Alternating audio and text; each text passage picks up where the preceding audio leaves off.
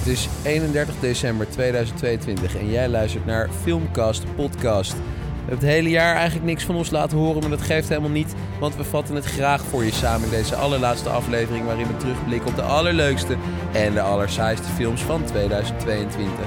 We zien je graag dit jaar en volgend jaar weer in Filmcast aflevering 24.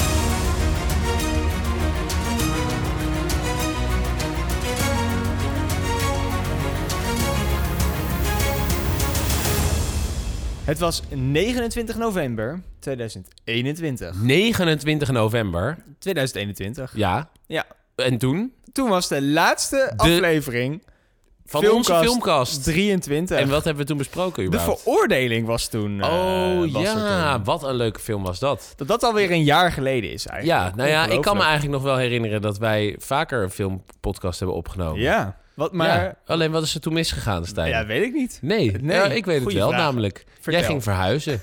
en toen had je in één keer geen tijd meer voor ons. Oh. En met ons bedoel ik mijzelf en alle luisteraars. Maar weet je wat er daarna staan. gebeurde toen ik weer tijd had? Nou, toen had je dus gewoon die filmpodcast kunnen editen die we toen hebben opgenomen. Maar toen ging er iemand anders verhuizen. Ja, omdat er nog een filmpodcast klaar lag. Toen dacht jij, dan kan ik in die tussentijd mooi verhuizen. En daarna Ja, en dan kijk ik even wat films. En dan terwijl Stijn druk bezig is met zichzelf. Ja, nou helaas niet helemaal gelukt. Maar we zijn er weer. Het Ja. is eind 2022. Ja, en Dus we dachten, meer dan een jaar omdat onze, alle, al onze afleveringen zo razend populair waren... stoppen we ze gewoon met z'n allen in één eh, nieuwe aflevering. Precies. Nog één aflevering in 2022. Nog eentje dan. En omdat dat we er geen genoeg van krijgen. om het jaar af te sluiten. Maar ook om een beetje vooruit te kijken naar 2023. Ja, Want het is op de valreep. want 2022 hebben we veel films gezien.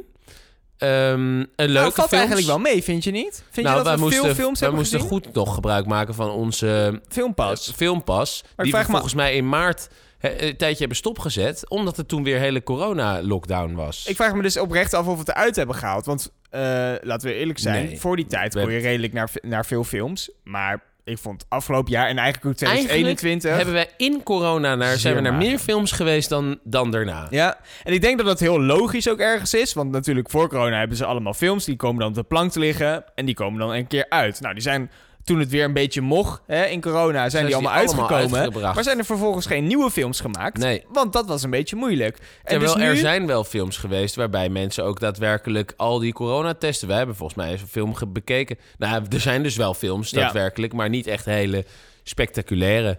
Ja, en, en ik weet niet hoor, hadden alle filmschrijvers corona? Want het, de scripten waren echt Ja, vreselijk. dus de films die uitkwamen Überhaupt, was eigenlijk niet helemaal de moeite, nee, moeite waard. was echt Dat heel medium. jammer. Ja. Dus eigenlijk 2022 qua filmjaar, richting het einde wordt het beter. Maar het begin was, nee, was eh, echt. Nou was ja, richting het einde hebben wij richting het einde wel veel films gezien. Ik ben er eigenlijk helemaal, helemaal, helemaal klaar mee, man. Nou, je merkt de afgelopen tijd en ook richting 2023 dat er wel weer licht aan de horizon komt. Ja, oké, maar zeker omdat er in 2023 nog misschien wat leuke films komen. Nou, kijk, de enige echte fantastische film waar ik op heb zitten wachten is natuurlijk Oppenheimer van eh, ja, Christopher, Christopher, Nolan. Nolan.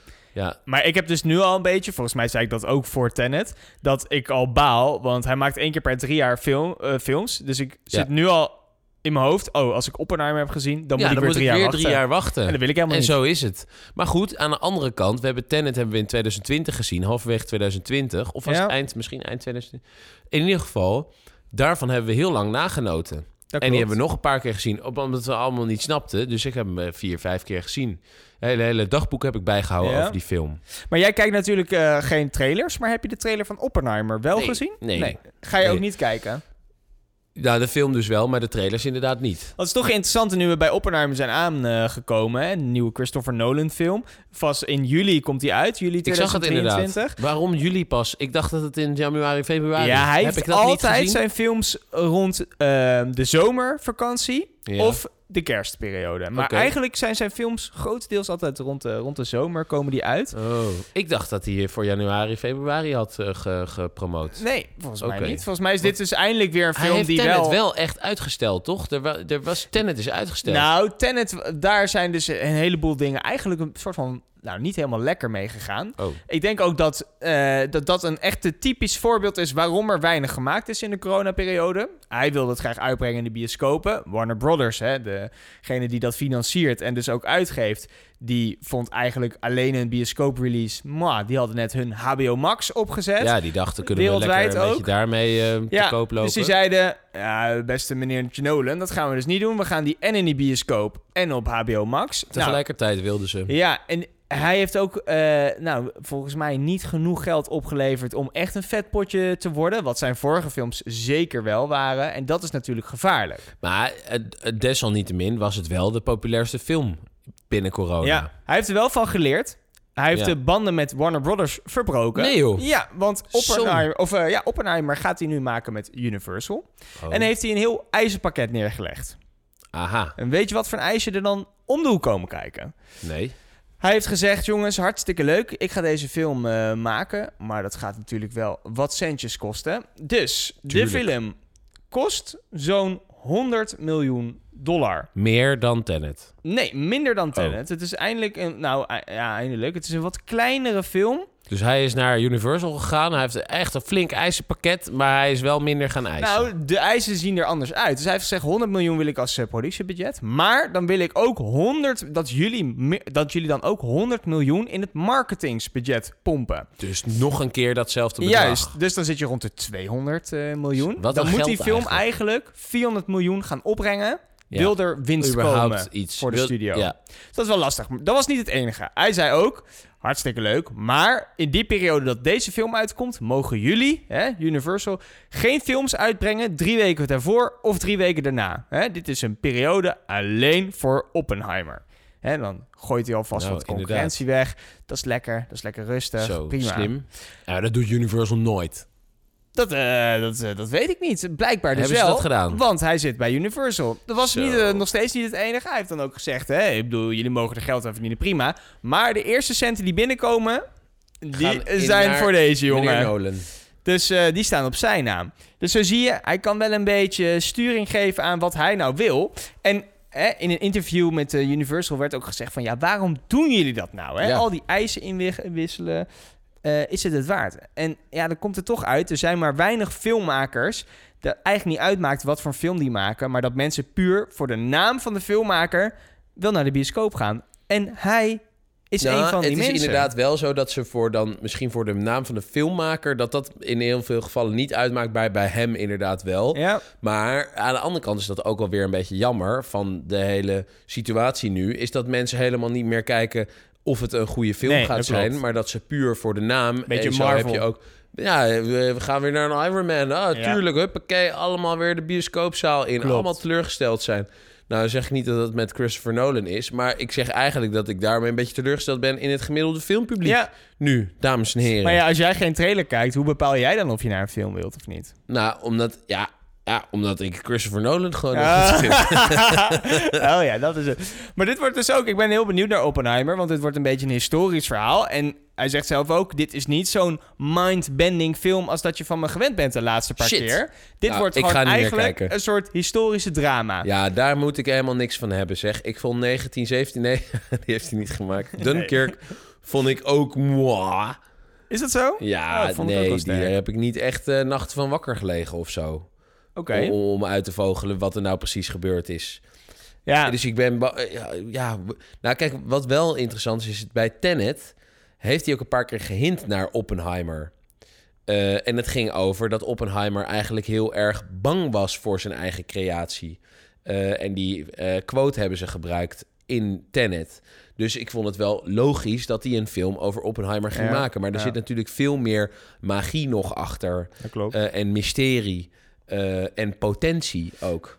En als je dan kijkt naar de cast, vind ik het toch knap dat hier maar 100 miljoen voor neer wordt gelegd. Want zo heb je Florence Pugh, Emily Wie Blunt, is dat? Killian Murphy, Gary Oldman, Robert Downey Jr., Matt Damon. Nou, ik kan zo nog wel even doorgaan. Rami Malek. Het is niet normaal wat voor een cast Ja. hierin zit. Ja. Casey Affleck. Nou, dat Ja, dat is ook wel een kast hoor, Casey. Casey. Ik vind het wel... eh, Nou, en maar wat ik dus wel sympathiek vind, is dat hij ook wel wat jongere acteurs eh, ervoor uitnodigt. Zoals die Casey Affleck, ja, die heeft Manchester by the Sea heeft hij ingespeeld. ja, dat klopt. Wat echt Oscar. een prachtige film is. Ja. Die zouden mensen niet zo snel uitzoeken. Eh, maar het is echt eh, een hele ontroerende film. Ja. Dus ik ben eigenlijk wel blij dat hij hierin zit. Ben Affleck, die gun ik het daglicht niet. Josh Peck, hè? Van Waar is Drake Josh? en Josh. Ja, zit hij er ook in? Ja, Oh, dat is best wel grappig, dat is ja. wel grappig. Wat is eigenlijk met Drake gebeurd? Drake is muziek gaan maken. Hè? Verder. Ja? Maar ik heb nooit meer iets van hem vernomen Volgens verder. mij maakt hij nog steeds muziek. Oh, Ging toen niet helemaal lekker met hem, maar volgens mij is hij nu wel nee, op hij de is rit. nu weer op de rit. Hoop ik voor. Ja, daar hoop ik ook voor hem. Arme Drake. Ja, maar in ieder geval, dat is een film om wel alvast nou, Ja, zin in kijk, te gaan krijgen. kijk jongens, kijk, nee, maar ja, ja, alles wat je nu ook opnoemt, Oppenheimer gaat sowieso al veel, veel beter zijn dan wat dan ook. Dus mocht je nou denken, ah, het films kijken is toch niks voor mij, kijk alsjeblieft even Oppenheimer. Alleen Oppenheimer. En waarom? Omdat Oppenheimer ook, de, überhaupt de man zelf, heeft heel veel betekend voor hoe wij nu tegen het dagelijks leven aankijken. Hij heeft in ieder geval ervoor gezorgd dat wij nu eh, nou, vrij eh, pessimistisch tegen het dagelijks leven aan kunnen kijken. Want nucleaire dreiging is groter dan, eh, dan nou, een lange tijd. Ehm, de Koude Oorlog heeft heel veel betekend voor ehm, hoe nu de samenwerkingen zijn wereldwijd. Ehm, en hij heeft dus ervoor, eh, hij heeft die, die kernsplitsing onderzocht. En die wordt ook dus heel veel gebruikt nu, ook gewoon in het dagelijks leven. Wat ook, ja, hij heeft iets ontdekt wat fantastisch is, maar dus ook heel, eh, heel gevaarlijk. Uh, dus hij is eigenlijk een grondlegger van een, een van de grondleggers van de, van de moderne tijd. Alleen daarom Denk vind ik het logisch dat je, Ja? je Oppenheimer zou moeten gaan kijken. Nou, duurt nog even, maar dan heb je ook wat. Nou, een halfjaartje maar. Eigenlijk valt het ook wel weer mee. Waar zaten we een half jaar geleden? Ja, eh, ook op deze bank te stinken. Hier. Toen ze woonden Toen we hier net al wel. verhuisd, ja. Ja, jij was aan het vreken. Ik weet niet waar jij was een half jaar geleden. Eh, ik was er gewoon. Jij was er gewoon. Maar niet eh, in de podcast. Maar Stijn, wat hebben we nou eigenlijk Laten gekeken afgelopen jaar? Terugkijken naar het toch over dat jaar hebben. 2022. I don't know how you juggle both this and life. No, I don't know what to do. I just want to stop. We'll get through it. Can somebody help me? It's a one job. You gotta concentrate. What do you mean it's not much of an issue? Talk some respect. Oh, you man. Callie, no. What are you doing? Callie, I can't take it anymore. There's a million kids out there who would die for this opportunity.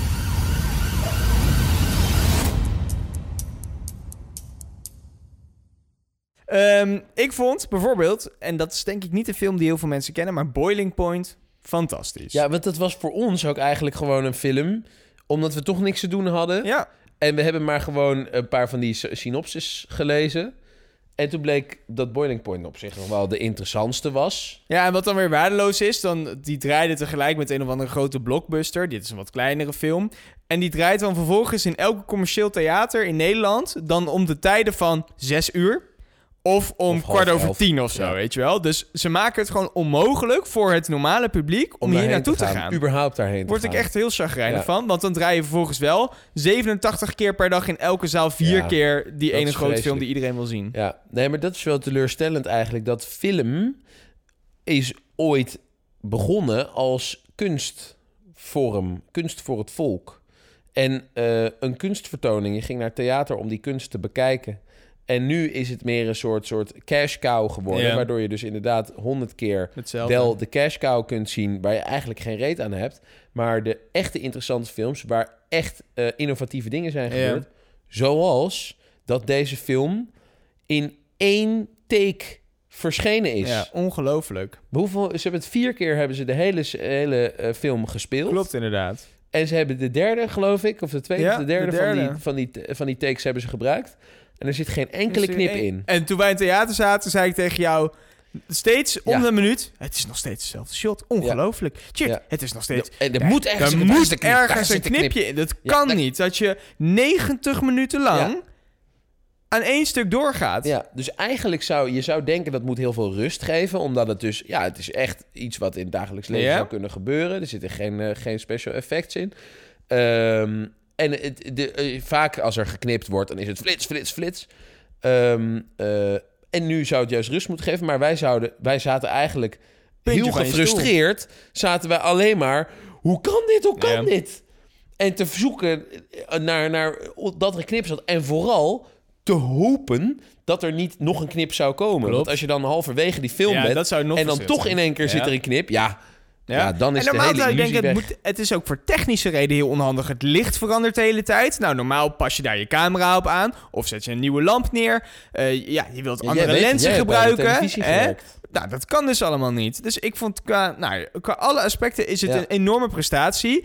En ik kan me ook dan voorstellen dat het echt topsport is. Wil je 90 Om te minuten doen. achter elkaar kunnen acteren. Ja, en dus ook van, van de ene emotie naar de andere, Andere. kunnen gaan. Ik bedoel, je zou je een dag kunnen voorbereiden op die ene huilscène. Maar nu moest hij van heel blij naar heel verdrietig, naar, naar volledig ter Ja. neergeslagen. Eh, samen met al die andere mensen. Achter, eh, als ze eenmaal een kamertje ingingen, moest er in de achtergrond toch weer een beetje set verbouwd worden waarschijnlijk. ja. Al die acteurs moeten, al die achtergrondacteurs moeten dat ook in één keer goed doen. En, eh, kijk, Engeland is ook wel een beetje het land van de National Theatre. ja. Vooral Klopt. veel mensen gaan daar naar theater. Heel veel acteurs zijn ook groot geworden als ehm, toneelspelers, theatersterretjes. Ja. en ehm dit vind ik wel mooi, dat er zo'n Engelse film, of was het, eh, nou, of was het eh, Schots? Nou, weet ik niet. Of, nou, ergens, Iets uit die richting inderdaad, ja. Dat dat dan toch eigenlijk een één groot eh, Toneelstuk. toneelstuk Ja. is.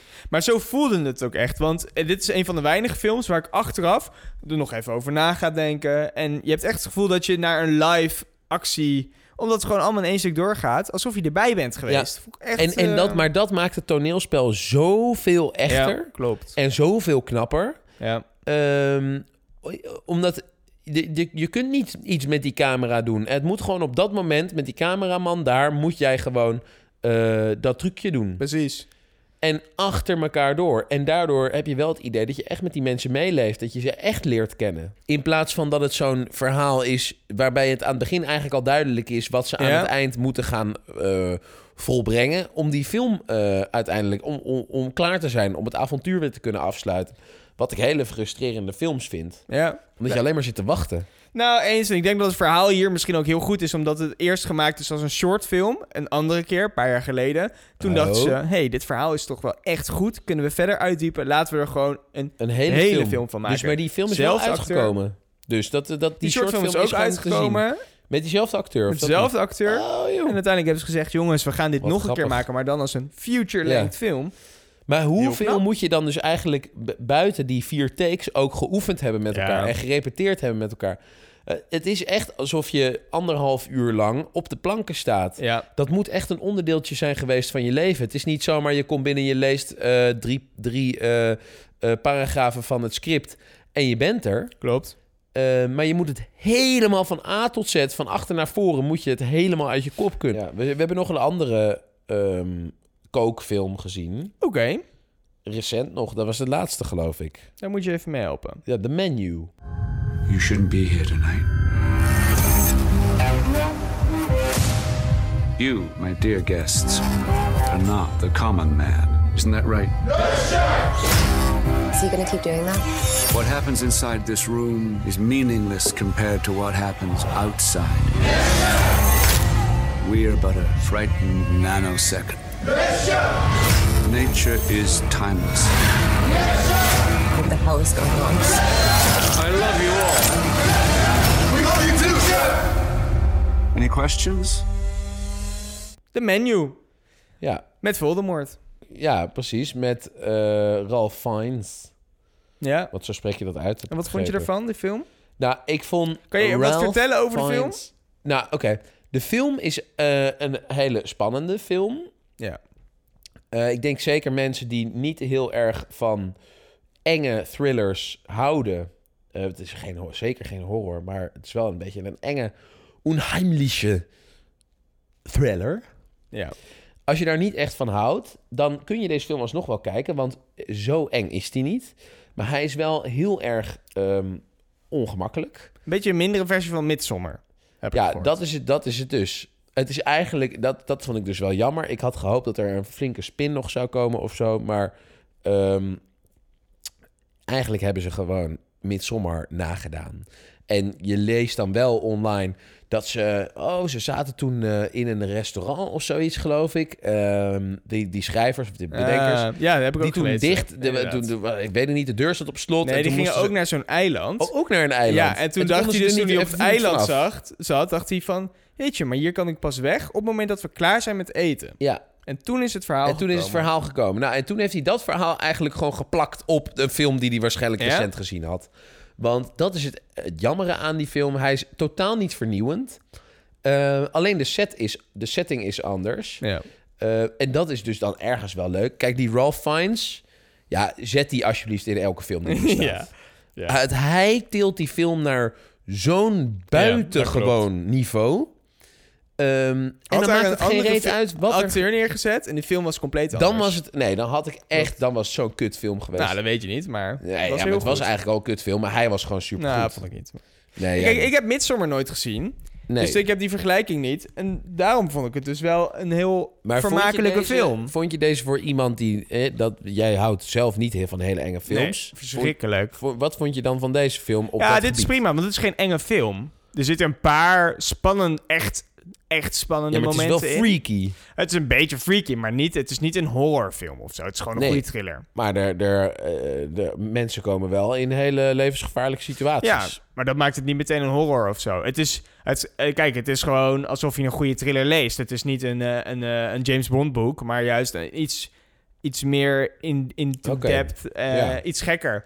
Ja, ik Nou, vond dat wel... ehm, Maar dan had je, zou je Midsommar ook kunnen zien. Terwijl dat je denk die- ik ook wel, ja. Ja? Maar ik dacht dus dat eerst dat Midsommar veel meer horror zou zijn. Maar nu heb ik al van een aantal mensen gehoord dat het niet het geval is. Dat Ja. niet rustig eens moet gaan kijken. Ja, het is alleen wel zo dat van Midsommar kun je echt eventjes niet slapen. Ja, precies. En Eh, dat heb je van deze film, kon, niet. ik, kon ik wel, tenminste halverwege was ik al in slaap Ja. gevallen. Ehm, maar wat, wat ik nog miste aan deze film is, want er zit best wel, er had veel meer symboliek in kunnen zitten. Dat vind ik het vooral. Er zit het een en ander in. Ja, het klopt. gaat over eat the rich. Eh, over dat de eh, rijke mensen zich maar alles kunnen permitteren. En dat de Ja. arme mensen maar gewoon hun eh, slaaf moeten zijn. En eigenlijk ook zijn, financieel gezien. Ehm, en dat het een soort het terugpakken is van die mensen. En dus die, die uitdrukking super letterlijk hebben genomen. Ehm, alleen dat was eigenlijk de enige symboliek. Het had veel dieper kunnen zijn. Er had veel meer, had er in die film ehm, ja, beelden kunnen zitten... waarbij je zelf al een soort van einde had kunnen fabriceren in je hoofd. Zoals bij Midsommar dat wel Ja, is. Want daar heb je hele ehm, wandkleden die al een deel van het verhaal vertellen. Dat je achteraf, als je die film bijvoorbeeld nog een keer ziet... of er dingen over gaat lezen, dat je gaat nadenken van... oh, oké, dit had dit kunnen betekenen, dit had dat kunnen betekenen. En zo diep was deze film niet, Nee, waardoor die automatisch heel erg plat overkomt. Het was een redelijk platte film. Ja, en af en toe gebeurt er iets spannends, maar dat is eigenlijk meer een trucje om jou eh, weer even wat spanning ehm, te laten zien. In plaats van dat je er zelf helemaal in meeleeft. En dat het. Sommige dingen hadden helemaal niet gehoeven. Maar bij Midsommar, alles wat er gebeurt, is een soort onontkoombaar Ja. Van, wat er, van iets wat er ooit in gang is gezet. En dat is dit niet. Hier zijn continu mensen bezig die zelf keuzes hebben. En dat merk je dus heel erg in de cheeseburger scène. Ehm, dat, dat het dus helemaal niet zo'n klokkenwerk is... wat ehm, hoe dan ook doorgaat met draaien... maar dat je dingen eraan kunt veranderen. En dat maakt het hele principe heel stom... dat al die mensen eigenlijk de hele avond... zich maar helemaal hebben laten ehm, overkomen. Ja. Eh, eh, wat misschien dan weer symboliek is... maar ik, dat begrijp ik dan weer niet. Nee, klopt. Ik, eh, ik denk ook dat je, dat je vooral ook niet te lang moet nadenken over deze film. Als je hem ziet, hè, op het moment dat je alles ervaart, dan denk je, yo, wow, dit is echt Heftig. anders dan je misschien verwacht. En ik vond het wel goed. Maar als je daarna er langer over na gaat denken, dan kom je om op dit soort dingen van, oh, dat is eigenlijk best wel gek. Oh, en dat is eigenlijk best wel gek. Oh, en dit is eigenlijk ook best wel gek. Dus dan ga je er te lang over nadenken en dan ga je dit soort gaten eigenlijk zien, waardoor het niet meer een geheel is. Maar als je gewoon daarna naartoe gaat en er niet verder heel lang meer over nadenkt, dan heb je wel, vind Ja. ik, een verrassende film gezien. Ja. Echt een spannende, die waar je ook even weg gaat denken, wauw, gaaf. Ja. Ja. Niet te lang over na blijven denken, want Nee. dan, ik denk over een jaar, eh, is eigenlijk zijn de meeste mensen deze film wel een beetje vergeten. Maar wel de Wat moeite ik wel waard, vind, ja. het. En wat ik ook vind, nu ik jou dit zo hoor zeggen... ehm, ondanks dus dat er misschien weinig diepte in zit... is de opbouw wel goed. Ja, Het begint heel vrolijk eh, en het wordt steeds heftiger. krankzinniger ook. Ja. En dat merk je aan de muziek. Daarin word je wel echt meegenomen. Ik heb, dit, ik heb dat album heb ik wel drie, vier, Ah. vijf keer geluisterd. Ehm, omdat die muziek, daar zit die opbouw ook. Ja, maar ik denk Eh, dat je gelijk hebt dat je, als je zegt, er hadden meer lager in kunnen zitten. Het had beter ja, dat vind ik, toch, vind ik toch weer jammer. Want ook deze film zal waarschijnlijk een paar miljoen gekost hebben. Terwijl er wel een acteur in speelt die jij Nicholas Holt. gaaf vindt. Ja. Ja, Nicholas Holt is echt een hele leuke Hij acteur. speelt ook wel goed, moet ik zeggen. Ja, hij is echt... Hij is ook weer zo'n typisch, zo'n Britse acteur. Vroeg begonnen. Ehm, een beetje underacting Ja. ook. Heel ik vind, het, ik vind het mooi als je, eh, als je mensen echt een beetje... Als je een hekel kan gaan krijgen aan iemand die wat speelt. karakter. vind ik heel knap. Dus aan het begin is hij, is hij de meest sympathieke persoon daar. En denk Ja. je, ja joh, waarom is niet iedereen zoals hem? Ja. En aan het einde, dan ben, je, dan ben je er helemaal klaar mee. En dat vind ik zo knap als Ja. je dat kan spelen. Ja, dus dat is ook een chara- character development. Ja, Wat eh, alleen maar acteurs kunnen Echt doen. knap. Dat kun je op papier schrijven, maar een acteur moet dat, dat uiteindelijk... meenemen. Het ja. is een, een blik in iemands ogen en de manier waarop die, waarop die beweegt Ja. en wat die doet. En als je dat natuurlijk over kunt brengen, ja, dan, dan heb, je echt, eh, heb je het echt heel goed gedaan. Nou, en ik vond die relatie dus wel ehm, allemaal wel heel leuk. Dus met eh, Ralph en dan ehm Nicholas. Nicholas. En Ja. dan heb je Anna en jouw favoriete? hè? Ja, Vind ik Wat vond je van haar? goede actrice. Vind ik echt een goede actrice. maar ook in deze film. Ook in deze film. Ja? Maar ik vond hun drie dus samen heel sterk. En eigenlijk al die mensen die ook nog in dat restaurant zaten... Nou, daar, hadden daar heb ik niet nog een keer dezelfde over persoon nagedacht. gespeeld kunnen Inderdaad, die, die hebben niks toegevoegd. Nee. Terwijl als je daar dus ook hele sterke acteurs had gehad... dan was het wel next level misschien Ja, geworden. en dan was, Dan het ook, overal iets was die ruimte ook veel dieper geweest. Dan Juist. was het niet alleen maar Nicholas en Anya. eh, maar dan hadden Ja. ze bij elkaar... Heet ze? Anya of Anna? Anja heet ze Goeie toch? vraag. Oh, dan weet ik Anna, het niet eens. Anja Taylor-Joy? Ja, je hebt gelijk. Ja. Ik dacht Anna, maar... Ehm, ja. Als zij met z'n tweeën daar zitten aan dat tafeltje... en de rest van die tafeltjes, ja, die, die zeggen eigenlijk niets... dan is het alsnog heel plat beeld Ja. eigenlijk. Want ja, je let helemaal niet op wat daarachter gebeurt. Je let En ze hadden daar dat ene echt tafeltje. typetjes neergezet. Dus iedereen die Ja. daar omheen staat, speelde een typetje. En Ja. niet een normaal En niet persoon. zichzelf, die nee, daar, precies. Waardoor het heel ongeloofwaardig dat was. was heel jammer. Ja. Ja. En heel veel delen van het script waren te, lagen er te veel te dik bovenop. Ehm, dat die vrouw, er zit zo'n filmrecensent of eh, een, een, Ja, ja, ja, een ja. voedselrecensent bij. En die zegt een paar keer letterlijk, zegt ze, oh, dit is vast voor ons in scène gezet om ons terug te pakken. Precies van dat soort conclusies, die had je aan de kijker moeten overlaten. En juist niet ehm, zo expliciet moeten zeggen. En zo zaten er veel meer voorbeelden in die veel te duidelijk je voorgeschoteld Dat klopt werden eigenlijk eh, volledig paradoxaal met de eh, mysterie wat die mensen in de film voorgeschoteld krijgen. Ja. En daarom kun je die film niet helemaal, kun je toch niet helemaal mee identificeren, toch niet helemaal eigen maken. Eens. Dan springen we even naar een heel ander soort films. Ik heb, ik heb een rijtje voor jou. Mag jij er eentje uitkiezen? Waar je graag wat eh, dieper op in. Want dit zijn allemaal een beetje films die niet, denk ik, eh, heel erg naar voren zijn gekomen afgelopen jaar. Ehm, maar wel hebben gedraaid en interessant waren. Dan heb ik het over Bullet Train, waar heel veel reclame voor is geweest. Zo, dus misschien is die wel eh, redelijk bekend. Dan heb je eh The Unbearable Weight of Massive Talent over Nicolas Cage. Met Nicolas Cage. Je hebt Amsterdam en See How They Run. Oh ja. Nou, jij had het dus over See How They Run. Nou, daar kon ik me niks meer van herinneren. Nee. Pas toen ik de trailer zag, toen kwamen er flitsjes terug van wat ik ooit... Ja. Ik weet niet in wat voor periode ik die film gezien heb, maar ik was duidelijk met andere dingen bezig. Want ik, heb die, ik kan me niks meer van herinneren, dus daar wil ik het eigenlijk niet over hebben. Nou, heel kort wil ik er één ding over zeggen. Ja? Dit genre gaat de komende jaren denk ik heel groot worden. Dit is een beetje Die de whodunit. Ja. ja. Want die zie je nu... Die vroeger ook heel populair de- waren, hè? Ja, nou, die zijn een paar jaar volgens mij compleet weg geweest. Ja. Nu heb je met Knives Out, deze films, ze schieten uit Ja, de grond de met die... eh, Murder on the Orient precies. Express. En daar heb je nu deel 2 van. Ja, Death on the Nile. En de volgens mij komt volgend jaar weer een nieuwe uit van eh Agatha Dus Christie. deze films, dit soort films, See How They Run, gaan, hier Ja. gaat denk ik veel mee gebeuren. Ja. Want mensen hebben nu door, oh, dit vinden mensen interessant om te Ja. zien. Kan ook heel slecht zijn, want dit, dit vereist veel denkwerk. Want je moet je hele verhaal heel goed uitdenken. Het niet scheelt te dat moeilijk, Agatha niet te en dat er heel veel schrijvers, eh, Arthur Conan Doyle. Ja. eh super veel boeken hierover geschreven hebben. Dus je hoeft helemaal niet na te denken eigenlijk. laten we het hopen. Maar inderdaad, laten we er niet veel uh, Nou, en wat nog wel grappig is, is dus dat het een duidelijke golfbeweging is. Dat zie je met heel veel Juist. dingen zo. Ehm, wat vroeger dan heel populair was En dan de afgelopen 10, 15 jaar. Nee, nee, er is al lang op uitgekeken en zo. En dat we die 10, 15 jaar met z'n allen alweer vergeten zijn. Nieuwe generatie. Ehm, en mensen die dat. En dan zeggen ze: Oh ja, dat is eigenlijk wel weer leuk. Ehm, waarschijnlijk gaan we, ik hoop het maar, heel veel superheldenfilms verliezen. Maar ja, die zullen dan over 20 jaar wel weer hun. eh, En laten we dan niet hopen dat het allemaal hè, remakes worden, maar dat ze gewoon... wel ja, zou er niet ook nog een remake van Harry Potter komen? Vast en wel, eh, termijn verzin maar. zeker. Ja, want. Death on, on the Nile en Murder on... Oh nee, en- ja, en Murder on the Orient Express... Die films die zijn ook in 1980 al een keer Ja, maar dit is van een boek gemaakt, dus dat vind ik dan net wat anders. Net als Harry Potter. Ja, maar dat boek was er, toen was de film... en Ja, nu is er weer een dus, nieuwe ja, film. gelijk.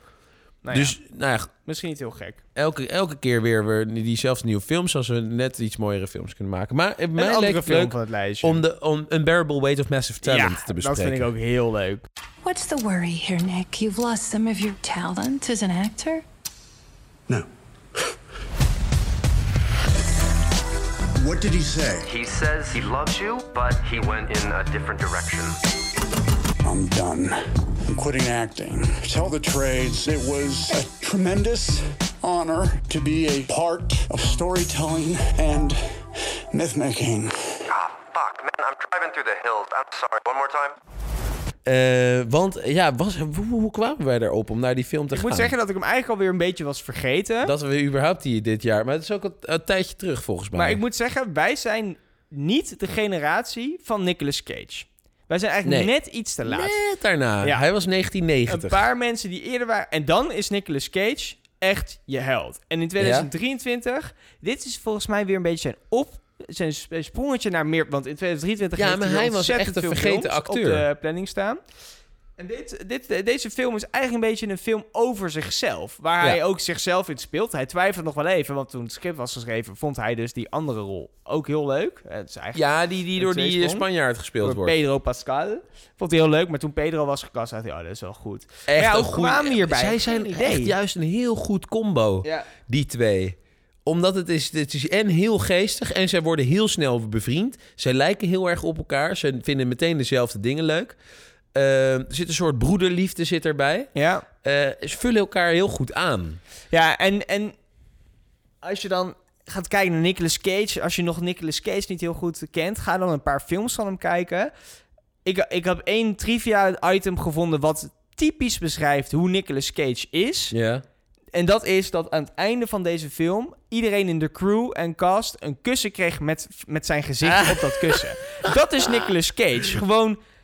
Maar- Zelfverzekerd tot de max. Ja. Gewoon zijn ego is groter waarschijnlijk dan eh, zichzelf. Maar ja, ik ken hem niet persoonlijk. Het komt in ieder geval niet vervelend over. Nee, dat is het. Maar hij heeft ook heel veel zelfspot. Dat is het en waarschijnlijk. dat merk je dus ook aan deze Dat is film. juist, Alleen al aan de film titel maken. merk je dat. Ja, ja. En, en dan, dat, dat, kijk, ja, Matthijs van Nieuwkerk zou zo'n film niet hebben gemaakt. En dan zou er heel veel, stel dat hij het maakt, dan zou iedereen zeggen, ja, maar Ja, ja, hij doet wel wel leuk, maar het is echt een eh, eikel. Terwijl eh Nicolas Cage, die heeft een hele grote fanbase, maar Ja. hij is wel heel lang weg geweest. Die, de laatste films volgens mij waar hij een beetje groot in was, dat waren die kick-ass films waar hij eh, Big Daddy in speelde. Met Chloe Grace Moretz, die toen nog echt 12 was of zo.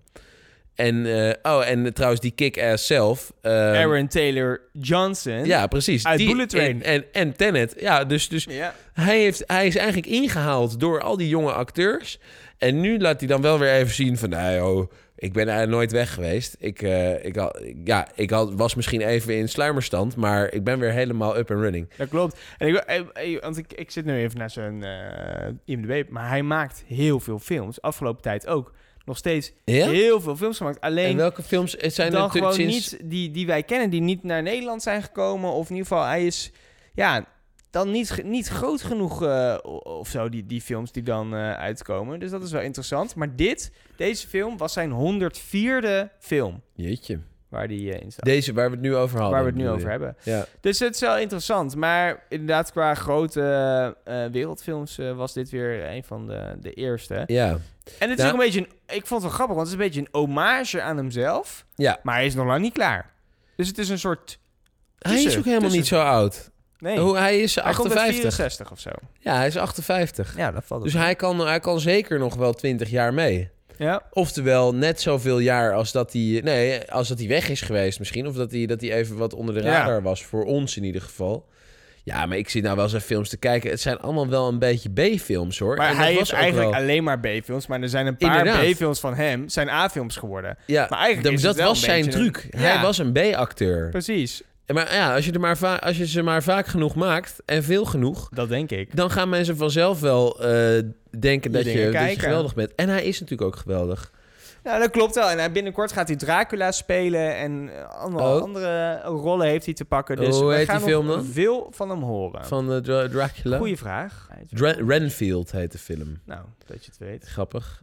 Oh, en wie zit daar ook in? Het cirkeltje is weer rond. Nicholas Holt zit erin. Dus ook best wel grappig. Grappig, ja. Eh, die, eh, die guy, daar hebben we ook een tijdje niet, niet zo heel veel van gehoord. Ehm, maar goed, dat was dus een Unbearable Weight of Massive Talent. Ook echt Aanrader een of niet? aanrader. Ja, ja, ja, ja, ja, ja, Ook als je 100%. niet Nicolas Cage kent. Ook als je niet Nicholas... Nee, want, want je leert hem vanzelf wel kennen.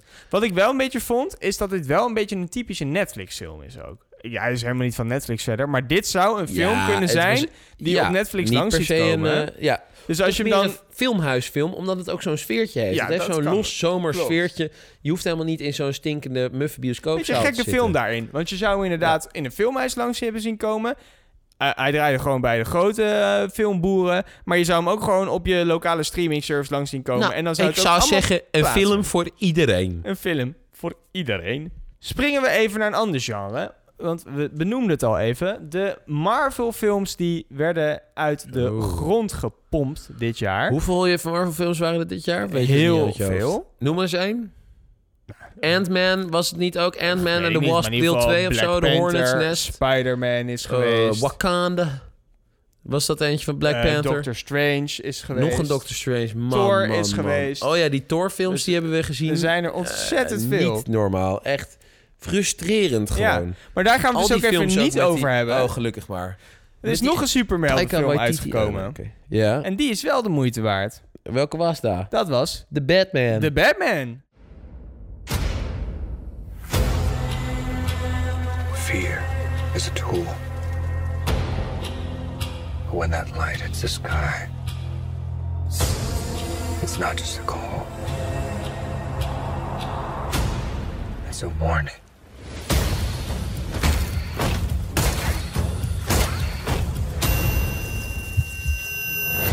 En- The Batman. Met Robert Pattinson. Ja, oh ja, ook. Nou ja, als we het toch over eh, Robert Pattinson hebben. Wat was die geweldig in Tenet, hè? jij, jij kan al- alle bruggetjes maken naar Tenet. zo Ah, knap. Zo'n fantastisch Maar we hebben het niet over Tenet. We hebben het over The Batman. Ik vond The Batman weer heel verfrissend. En Ja. er zijn een paar dingen die mij ontzettend frustreren.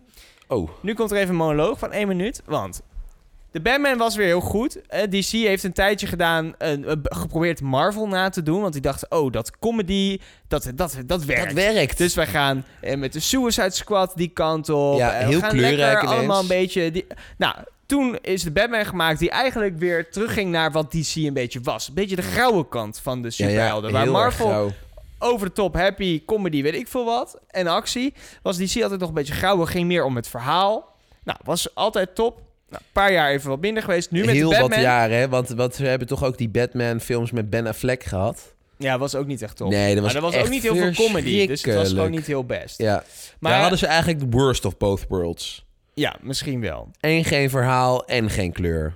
En nu met de Batman hebben ze eigenlijk hadden ze gaat het puur om het verhaal, om het visuele. Het zag er prachtig, echt prachtig uit. En ik kreeg een beetje hoop van dit soort films. Dat vind ik de superheldenfilms die we een beetje missen op dit moment. En toen kwam het nieuws dat de regisseur van de Guardians of the Galaxy films, James Gunn, nu de nieuwe creative director is geworden bij Warner Brothers. Die al die DC-films uitpompt. Potverdikke En wat ga je dus nu krijgen? Hij heeft alle films die werden gemaakt eh, even op hold gezet. Dus er werd bijvoorbeeld verwacht eh, dat Henry Joker? Cavill door zou gaan als Superman. Ja, Die heeft zijn afscheidsbrief gekregen. Hij wordt hercast, want ze willen Huh? een andere kant op met Superman. Hij wilde graag door, maar hij komt niet wat meer voor terug. kant? Zelfde The Rock, die is net begonnen met Black Adam. Ja. Weet ik, ik we- weet niet heel goed wat ik van Black Adam vond. Het was ook wel een beetje een, een hoog Marvel gehalte, maar oké. Hij bracht in ieder geval wel weer wat... eh, wordt ook even op, hold gezet. Hij is dan niet herkast, maar ze hebben gezegd, we gaan even het anders doen. Dus wat gebeurt er nu? Die James Gunn samen met een andere man, die, die, die gaan nu, net zoals ehm, er één eh, man zit bij eh, Marvel, die gaat het helemaal bedenken nu. Met, ja, zo gaan we het oh, er eh, gaat weer een universe. Een, ja, een bepaald universe, een bepaalde look, een bepaalde feel. En zij hebben eigenlijk een soort vrijbrief van DC gekregen. van dus. Warner Brothers met... Jongens, Terwijl jullie mogen zo het goed gaan bedenken. weer, zeg jij. Nou ja, terwijl ik vond dus dat bijvoorbeeld de Batman weer een beetje de goede kant op ging. Maar ik denk nu, met de Maar dus eigenlijk die zeg je bekend dat- staat ja. van The Guardians... dat we toch weer een hoog Marvel-gehalte aan de DC-kant gaan krijgen. En dat vind ik eigenlijk erg Wat, jammer. wat ik zo matig vind, is dat al dit soort filmhuizen helemaal achter de feiten aanlopen. Ze, ze, ze spotten geen trends meer.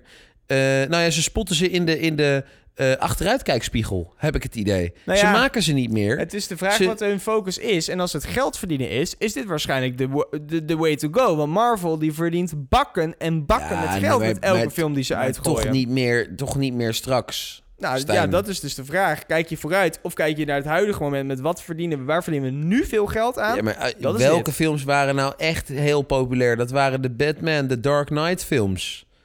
Die, ik denk die als je gaat nieuw. kijken naar hoeveel geld geen- opgebracht, dan vallen die in het niet bij wat bijvoorbeeld een Spider-Man opbrengt. of Oh, een Avengers. Ja. Maar op een gegeven moment, op een gegeven moment eh, is het toch afgelopen. Dus er staart die, er in zijn slang bijt. Maar daarom vind ik het zo jammer, want we keken dus afgelopen jaar de Batman. Ehm script deel 2 wordt nu wel geschreven, dus dat is het goede nieuws. Mhm. Maar ja, de vraag is natuurlijk of onder deze nieuwe leidinggevende ja, switch... Maar is Robert. Pattinson er nog bij? Als het goed is wel. Oké. Maar ik vond deze Batman-film, en dan kijk ik vooral naar het verhaal en hoe het op film is gezet, vond ik weer. Ik, ja, ik werd er weer helemaal warm van. Ik dacht, dit zijn toch de superheldenfilms waar ik nog wel voor naar de bioscoop zou Ja. willen gaan. Waar gewoon echt, ja, prachtig. Ik vond het echt. eh, Ja, maar het zijn een beetje de. Sherlock Holmes Ja. onder de superheldenfilms. Er, goed. er, is, er is dan wel een bad guy, maar die, die integreert gewoon lekker met het dagelijks leven. En er is een soort... eh, ehm, eh, nou, hoe moet je dat noemen? Eh, de, zo, hij is al een soort detective, gaat hij daar dan Ja. achteraan. Net zoals in The Dark Knight, waar dan gewoon een soort eh, James Bond-achtig team eh, achter zit. Eh, zonder dat het al te veel... Sowieso is Batman natuurlijk de uitgelezen eh, film eh, of de superheld om een beetje James Bond eh, Ja. eh, te integreren. Want hij kan niks. Hij heeft alleen maar heel veel geld en eh, mooie pakken. Eh, maar hij, is, hij kan niet vliegen of zo. Ehm, Maar daarom vond ik ook wel interessant dat ze nu een veel jongere Batman hebben gepakt. Want die Ja. Ben Affleck heb je helemaal gelijk. Maar daar probeerden ze het soort van het kusje, kunstje van Kirsten Bale... soort van nog een keer te doen. terwijl maar Bale extremer. eigenlijk heel jong was hè, tijdens zijn Batman-films. Oké. maar inderdaad, eh, nou, ergens vind ik wel tijdens de, de Batman-film die wij hebben gezien... Ja, kijk, elke Batman-film die er gemaakt wordt... denkt het publiek dat er weer een Dark Knight aankomt. Dus Ja, het niveau ligt heel hoog, wil je zeggen. Of de verwachting. de verwachting ligt heel hoog, Ja. maar daarmee gaan dus de filmmakers automatisch Beetje die kant op. dat ook proberen. Nou, dat is een beetje... is ze, hinten al een beetje hè, naar die deel 2... waar dan waarschijnlijk de Joker volgens mij ook in voor zou komen. Dus dat Wat is wel een wel, beetje... wel treurig is, want Batman heeft super veel tegenstanders. Ja. Ja, en ja, omdat, kijk, omdat eh, eh, ehm, de Christopher Nolan, eh, wie speelde nou de Joker? Come on. Heath Ledger. Dat hij het zo goed gedaan ja, heeft. klopt. Niveau veel te hoog. denkt iedereen... oh, de Joker is echt de allervetste Batman-tegenstander. Terwijl, dat hoeft helemaal niet. Nou, en vooral als je dus inderdaad de, de comic zelf niet kent, dan is het juist leuk dat ze in deze nieuwe films, daar zat de Penguin bijvoorbeeld ook in, dat je hè, ook kennis maakt met wat andere bad guys, in plaats van blijft hangen bij welke Ja. werken en je al kent. En dat daar vervolgens alles om. Ja, om maar het jammer is gewoon dat wij nu zo'n fantastische associatie hebben met de Joker... dat we automatisch al denken dat het een fantastische film wordt als de Joker erin zit. Daarom gaat die Joaquin Phoenix ook deel 2 maken komend Precies. jaar. Ja. Terwijl ja, ja, ja, ja. Wat vinden we daarvan? Ja, nou ja, ik vind het allemaal heel erg eh, jammer. Ja. Ik, wat ik gewoon jammer vind, is dat er geen echte unieke films gemaakt worden. Ehm, en wie doet dat wel? Martin Scorsese doet dat. Die maakt unieke films. Maar dan nu voor Netflix. Niet voor, hè? Niet voor Netflix? Eh, Wel voor Netflix, toch? Hij maakte toch zijn laatste film was toch voor, voor Netflix, die zo ontzettend lang duurde. Oh ja, The Irishman. Juist. Oh, was dat zijn laatste film? Is hij gekapt? Nee, nee, hij zal nog wel meer maken. Maar oh, zijn meest recente. Ja, ja, ja. Nee, maar hij doet dat fantastisch. Ehm, maar eh, noem nog een regisseur. Ik weet ze allemaal niet meer. Waar zijn alle regisseurs gebleven? Ja. De echte, de Robert Zemkis en de, de Steven Spielberg. Ehm, die zijn gewoon verdwenen. Nou, maar ik denk dus dat dat ook het punt is waar we terugkomen op bijvoorbeeld dat Christopher Nolan verhaal. Er zijn dus, een- of er waren een paar ehm, regisseurs die met hun naam, net zoals Quentin Tarantino, je weet, je gaat naar een Quentin Tarantino film. Ja. Hè? Je gaat naar een Christopher Nolan film. Ja. Maar dat soort regisseurs zijn uitstervende. Wil niemand meer En er regisseur komen moeilijke nieuwe bij. Hè, er zijn nog wel een paar, waaronder hè, binnenkort komt, eh, ehm, ja, hoe zeg je dit?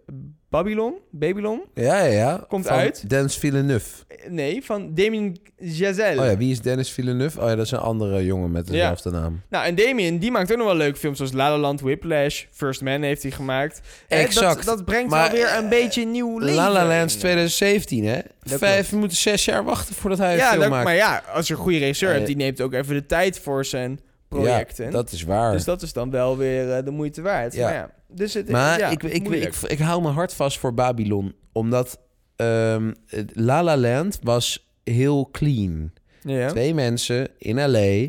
En L.A. valt weg bij het romantische verhaal wat die twee mensen hebben. Ja. Maar Babylon, als je die trailer hebt gezien... gaat het veel meer om de omgeving waar ze in zitten. En het zijn veel meer mensen die daar ook in spelen. Ik denk dat het... Ik ben bang dat het te wild en te chaotisch wordt. Waardoor het verhaal een beetje wegvalt. Dat het misschien te veel om de muziek gaat draaien. In plaats van dat de muziek een ondersteunende, Mm, begeleidende rol heeft. Weet ik niet, maar dat denk ik wel. Daar ben ik een beetje bang voor. Het, het is een beetje... Ik denk... Kijk, eh, ehm, The Great Gatsby was een fantastische film.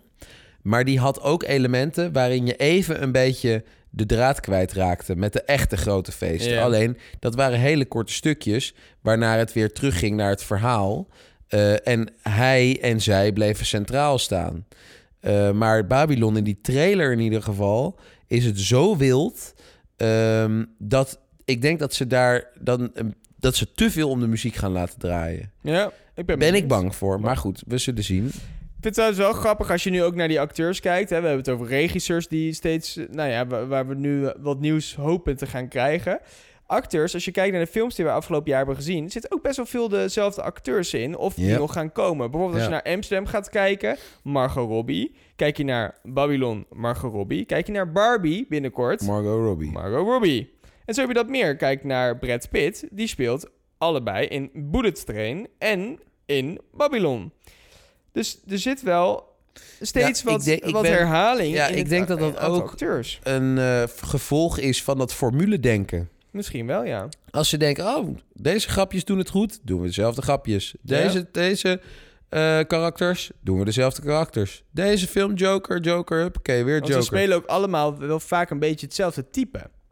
Je wordt Ja, gewoon een beetje getypecast, ja. wat al heel en, lang en gebeurt. als er maar, nou, nou maar vier types nog interessant blijven, nou, dan zijn het vier acteurs Ja. Die interessant blijven. Wat ik wel denk, Ja. overigens, is dat eh, niet, binnen niet al te lange tijd... dat we een hele aanwas krijgen met allemaal nieuwe acteurs. Eh, omdat? ik denk dat, ehm, dat je met kunstmatige intelligentie allemaal nieuwe acteurs kan genereren. En je denkt gewoon dat het allemaal... eh, Het worden allemaal stemacteurs en eh, be- beweging, choreografieacteurs. Een soort Andy Circus wat met een ander hoofd. En dan kun je gewoon der, de 10, 20, 30.000 verschillende acteurs maken. Zonder dat je ervoor hoeft te betalen. Hoef je alleen maar een choreograaf in te huren. Dus ik denk eigenlijk dat dit een beetje de laatste eh, fase is van heel veel bekende Brad Pitts en al dat soort mensen. Of deze mensen blijven nu voor in de eeuwigheid bestaan... omdat ze dus gewoon digitaal gereproduceerd kunnen worden. Nou, dat kan ook. Dat die agent van eh, Brad Pitt zegt van... nou, ja, ik, ik, Brad Pitt kan komen, maar voor een tiende van de prijs... Eh, mag je ook ehm, zijn... Digital stand-in. precies. Ideaal. Die hebben we hier nog wel staan. Dat is dan eh, mad shit, is dat dan. Die dan een sigaret, die een slof sigaretten staat op te roken beneden in de garage. Lekker. Ik ga jou nog een rijtje geven. Mag je er weer één kiezen. Want wij hebben dit jaar ook nog gezien... House of Gucci. Met En die heb jij onder gezien, andere Lady. Gaga, Adam Driver en El Pacino. Heb je die niet gezien? Nee. Oh. Operation Mincemeat met Colin Firth. Amsterdam, met dus, zoals ik al zei, Margot Robbie, maar ook met Christian Bale en. John David Washington, die we dan weer kennen uit Tenet. Tenet. Ja. En Chris Rock. We hebben Elvis nog gezien Heb jij ook gezien? Heb ik niet gezien. En Top Gun Maverick. Ja, nou, als je het over een goede comeback hebt en een goede deel 2 en een goede requiem. Avatar.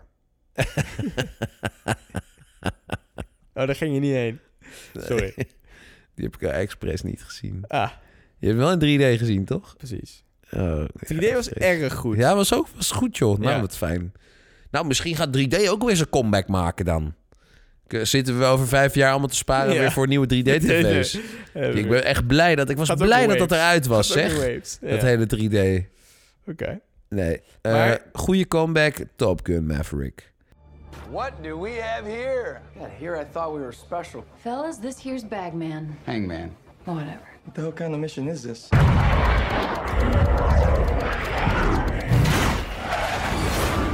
Everyone here is the best there is. Who the hell are they gonna get to teach us?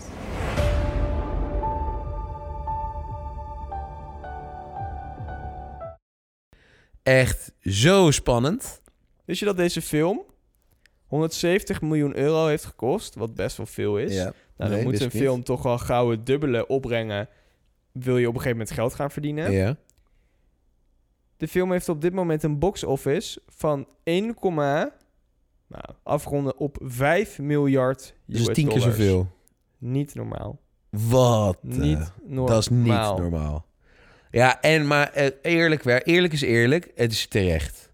Ja. En die Tom Cruise speelt super, echt super. Eh, echt, in deze film is hij echt een hele goede gast. Ehm, ik vond die, eh, die jonge man vond ik ook leuk. Die eh, de, de, eh, de- Miles Teller. Miles- ja, Miles die, speelde ook super vet. Die was ook. Het was echt, echt fantastisch. Leek het op, op die, die jongere gast. Die hij, of zijn vader of speelt hij. Ja? Zijn biologische vader speelt hij. Ik vond het ook wel mooi dat die Mel Kilner. Of, Ja? heet, hij nou, heet hij nou zo? Dat die erin zat.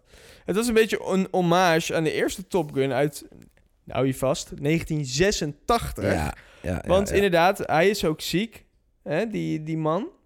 Eh, Wel, in, in het eerste deel ging het echt tussen, tussen hem en Maverick. Ja. Tussen Val Kilmer heet hij. Oh, Val, sorry. Val, en die speelt Iceman. En hij is nu ook ziek. Dat zie je ook in de film terugkomen dat hij ook ziek is. Dus het voelde nog een beetje aan een, als een soort van hommage aan de hele Top Gun. Maar dan een ontzettend goeie. Want het zat heel goed in elkaar. Nou, en wat het mooie was, is dat er gewoon heel veel elementen terugkwamen van de originele film. Ja. Ehm, en dat je daar, ik- dat doen ze met heel veel films, maar ze hebben er wel een nieuw verhaal omheen bedacht. Ja. Eh, en dit keer is het acteerwerk gewoon echt goed.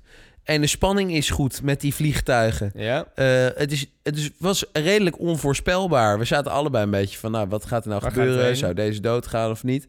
Ehm, het, de vliegscènes zijn fenomenaal geschoten. Ik heb denk ik nog nooit zo'n goede ehm, nee. opname gezien van binnen een vliegtuig. Klopt. Jij zegt dat ze die fil- filmkamers, dat ze meerdere camera's Ja. op die vliegtuig Ja, dit gemonteerd hebben. Deze film is ook perfect voor trivia. Je kan hier dingen over blijven vinden. Maar inderdaad, ze hebben hè, van, het, van de luchtmacht kan je dan zo'n vliegtuig huren dan. Ja. Maar ja, die mag je natuurlijk niet zomaar zelf vliegen. Vond Tom Cruise overigens erg jammer, want die kan dat. Maar dat was niet helemaal de bedoeling, want die dingen zijn iets te duur. Dus wat deden ze dan? Pakten ze straaljagers waar twee personen in kunnen. Zetten ze de acteur in de achterbank. En dan deed hij gewoon de trucjes terwijl eh, de, de piloten echt vlogen. Precies. Maar er zitten dus wel allemaal camera's in de, in de, in de cockpit. Dus niks op greenscreen geschoten. Ja. En als je die film ziet, dan weet je niet, je weet niet wat je meemaakt. Nee, en, maar doodeng ook even. Hè? Dat want denk ik want wel, waarschijnlijk al die andere acteurs hebben ook dus in die straaljagers gezeten om dat op te nemen. Precies. Allemaal. Over de kop, wat dan ook. En maar dat je dus zoveel camera's gewoon op zo'n vlieg, Ja. vliegtuig kan monteren. Eh, het begon, het is een hele, hele grappige film overigens. Eh, ik vond de eerste Top Gun iets te serieus. Oké. Eh, maar er is ook niet echt, zit niet, er zitten niet heel veel grapjes in. Maar je vindt het gewoon Nou, ik- het, het stukje, het begon heel grappig. Want hij gaat dan gaat hij naar Mag 9 of zo, of nog verder zelfs. Ehm, en dan op een gegeven moment gaat hij zo hard. Dat dat klopt, zodat zijn vliegtuig in, Ja. in de fik vliegt. En dan, en dan Ja, stort dat hij neer. Ja. En dan komt hij met een verbrand pak, nog, nog smeulend van eh, de as. Komt hij dan binnen in een, eh, in een willekeurig ehm, eh, café. Ja. Wat volgens mij ook echt aan, op de, aan de andere kant van de wereld zou zijn. Want als je zo hard vliegt, dan ben je binnen een paar minuten ben je in, sowieso in een ander land. En hij komt binnen en zo ching ching als een soort cowboy. En iedereen is stil, iedereen kijkt naar hem. En hij zegt, where am I? Ja. En dan zegt een jongetje die heel stil en met hele grote ogen naar hem kijkt. Want, want hij is helemaal zwart, zeg maar, ook van de, van de eh, roet. Ehm, een soort, een soort roetveegpiloot. En dan zegt zo'n jongetje, die zit naar hem te kijken en die zegt... Earth. ja, dat is wel goed inderdaad. En dan hoef je, eh, wat, eh, Ja. wat dat betreft, er hoeft maar één zo'n grapje in die film te zitten. Dat en dan klopt. vind ik het al fantastisch. Ja. En nou, ik heb van elke seconde genoten. Ja. Terwijl de eerste film, eh, de eerste Top Gun film vond ik een beetje, beetje traag af en toe.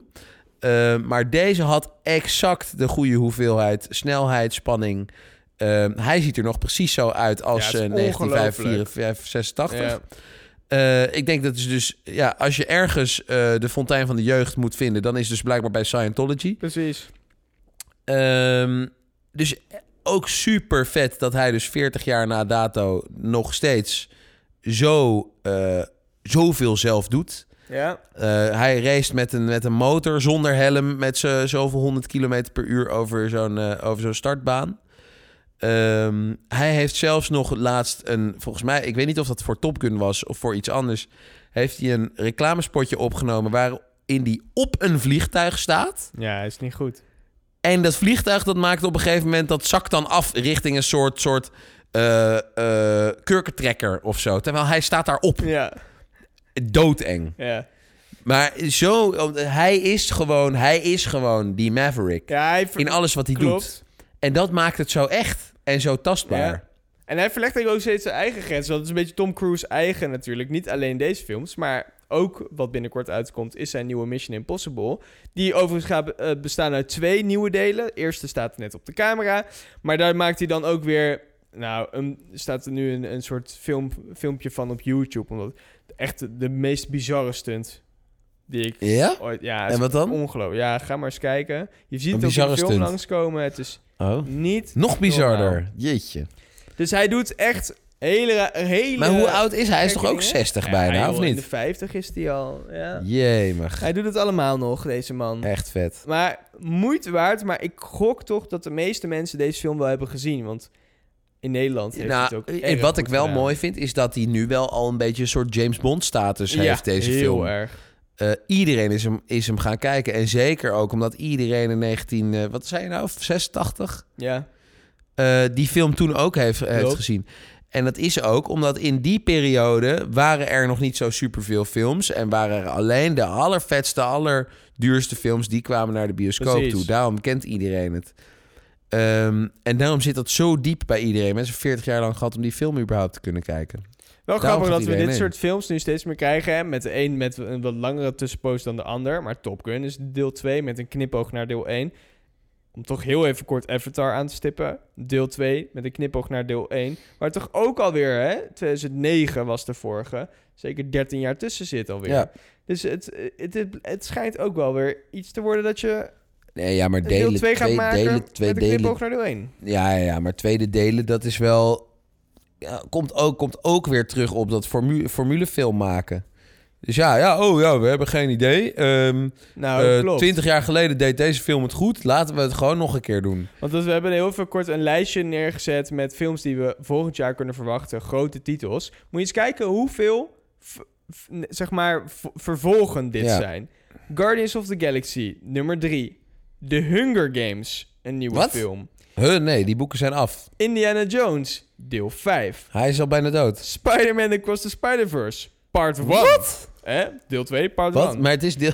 Dune, part 2. Mission Ah, ja. Impossible, nieuwe versie. John Wick, chapter 4.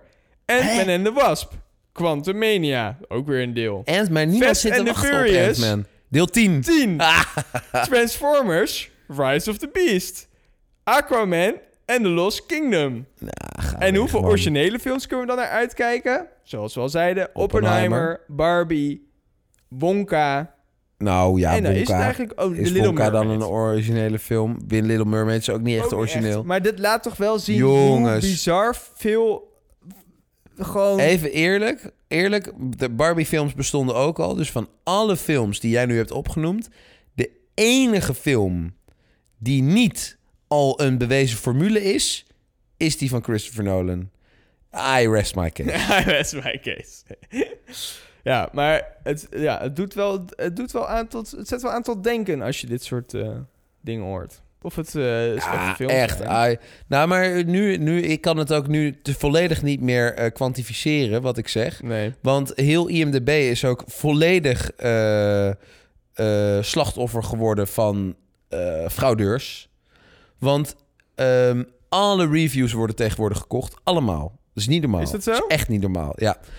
Je moet eens een keer bij een willekeurige serie gaan kijken... waarvan je denkt van, well, nou, een beetje medium. Ja, is die dan wel goede... goede de House of the Dragon bijvoorbeeld. Die, die Game of Thrones se- sequel, prequel. Eh, mega slecht. Maar 8,9. Sommige afleveringen hoger gewaardeerd... dan de originele eh, Game of Thrones afleveringen. En dan ook echt de beste van die afleveringen. Ja. En dan eh, kijk je, zit je reviews te lezen en dan denk je van, nou, wat, een- wat een standaard verhaal. En dan zitten er soms reviews tussen en die zeggen van, ja, ik heb geen idee waar al deze goede reviews vandaan komen, maar het is super slecht. En hier en hier en hier en hierom. Maar ja, omdat er gewoon, eh, omdat er ja, ja. allemaal mensen in India met eh, een beetje kunstmatige intelligentie gewoon honderden van dit soort reviews aan het schrijven zijn, is het gewoon niet meer te volgen. En dan gaan mensen vanzelf denken, van, een soort self-fulfilling prophecy. Nou ja, Dus, en eh, dus dat dus ehm, dit van, ehm, van Amazon is, dit platform, IMDb. Ja, Dus dat je dan gaat wel krijgen corrupt tot dat het ze bot. bij eh, die, eh, die nieuwe serie van The Lord of the Rings... Ja. hebben ze de, eh, de score al wat aangepast. Omdat er wel erg veel mensen waren die een 1 gaven. Die niet eens hadden gezien. Dus hebben ze alle negatieve enen even weggesloopt... zodat je een wat representatiever beeld zou gaan krijgen. Dat Maar meen dus je niet. dit is gewoon dit soort platformen. Dus je kan beter gaan overstappen naar de Rotten, Rotten Tomatoes of... Ja, maar is zelf dat wel dingen echt gaan eh, kijken. neutraal? Ook daarvoor moet je... Uiteindelijk is alles een user score. Oké, en kijk, eigenlijk kunnen we concluderen... je kunt gewoon het beste gewoon naar onze podcast luisteren. Ja, dan krijg je zeker eh, een heel objectief beeld van eh, dingen die... Nou, ik denk wel dat mensen een veel, veel beter geïnformeerd beeld... Ja. Maar om het mee af te sluiten van de films die ik net eh, noem... waar kijk je dan het meest naar uit? Ja, daar hoef ik niet uit te leggen, denk ik. Nee, Oppenheimer. Ik kijk ook wel heel erg uit naar Dune deel 2... want ik vond Dune Ja. deel 1 fantastisch. Ja, dat is waar. En wat ook leuk is, wat binnenkort uitkomt, wat, wat wat minder bekend wellicht, is eh, een nieuwe Pinocchio-film. Oh ja, van Guillermo del Toro. Waar Precies. ik volgens mij al drie jaar geleden reclames van heb gezien. Langste stop-motion en zijn eerste tot Oh. nu toe. Dus dat oh, is dat is leuk. Ehm, en The Whale. En de, The? Whale is met Brandon Fraser.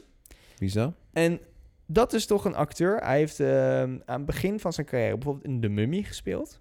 Oh. Was heel bekend en is toen een beetje kapot gemaakt door Hollywood, lees je veel. Oh. Hij werd niet meer gecast. Niemand wilde hem eigenlijk hebben. Terwijl het een, ja, een hele vriendelijke man is. Maar wat was de reden mij. daarvoor dan? Zou je eens in moeten duiken. Niet een heel vrolijk verhaal.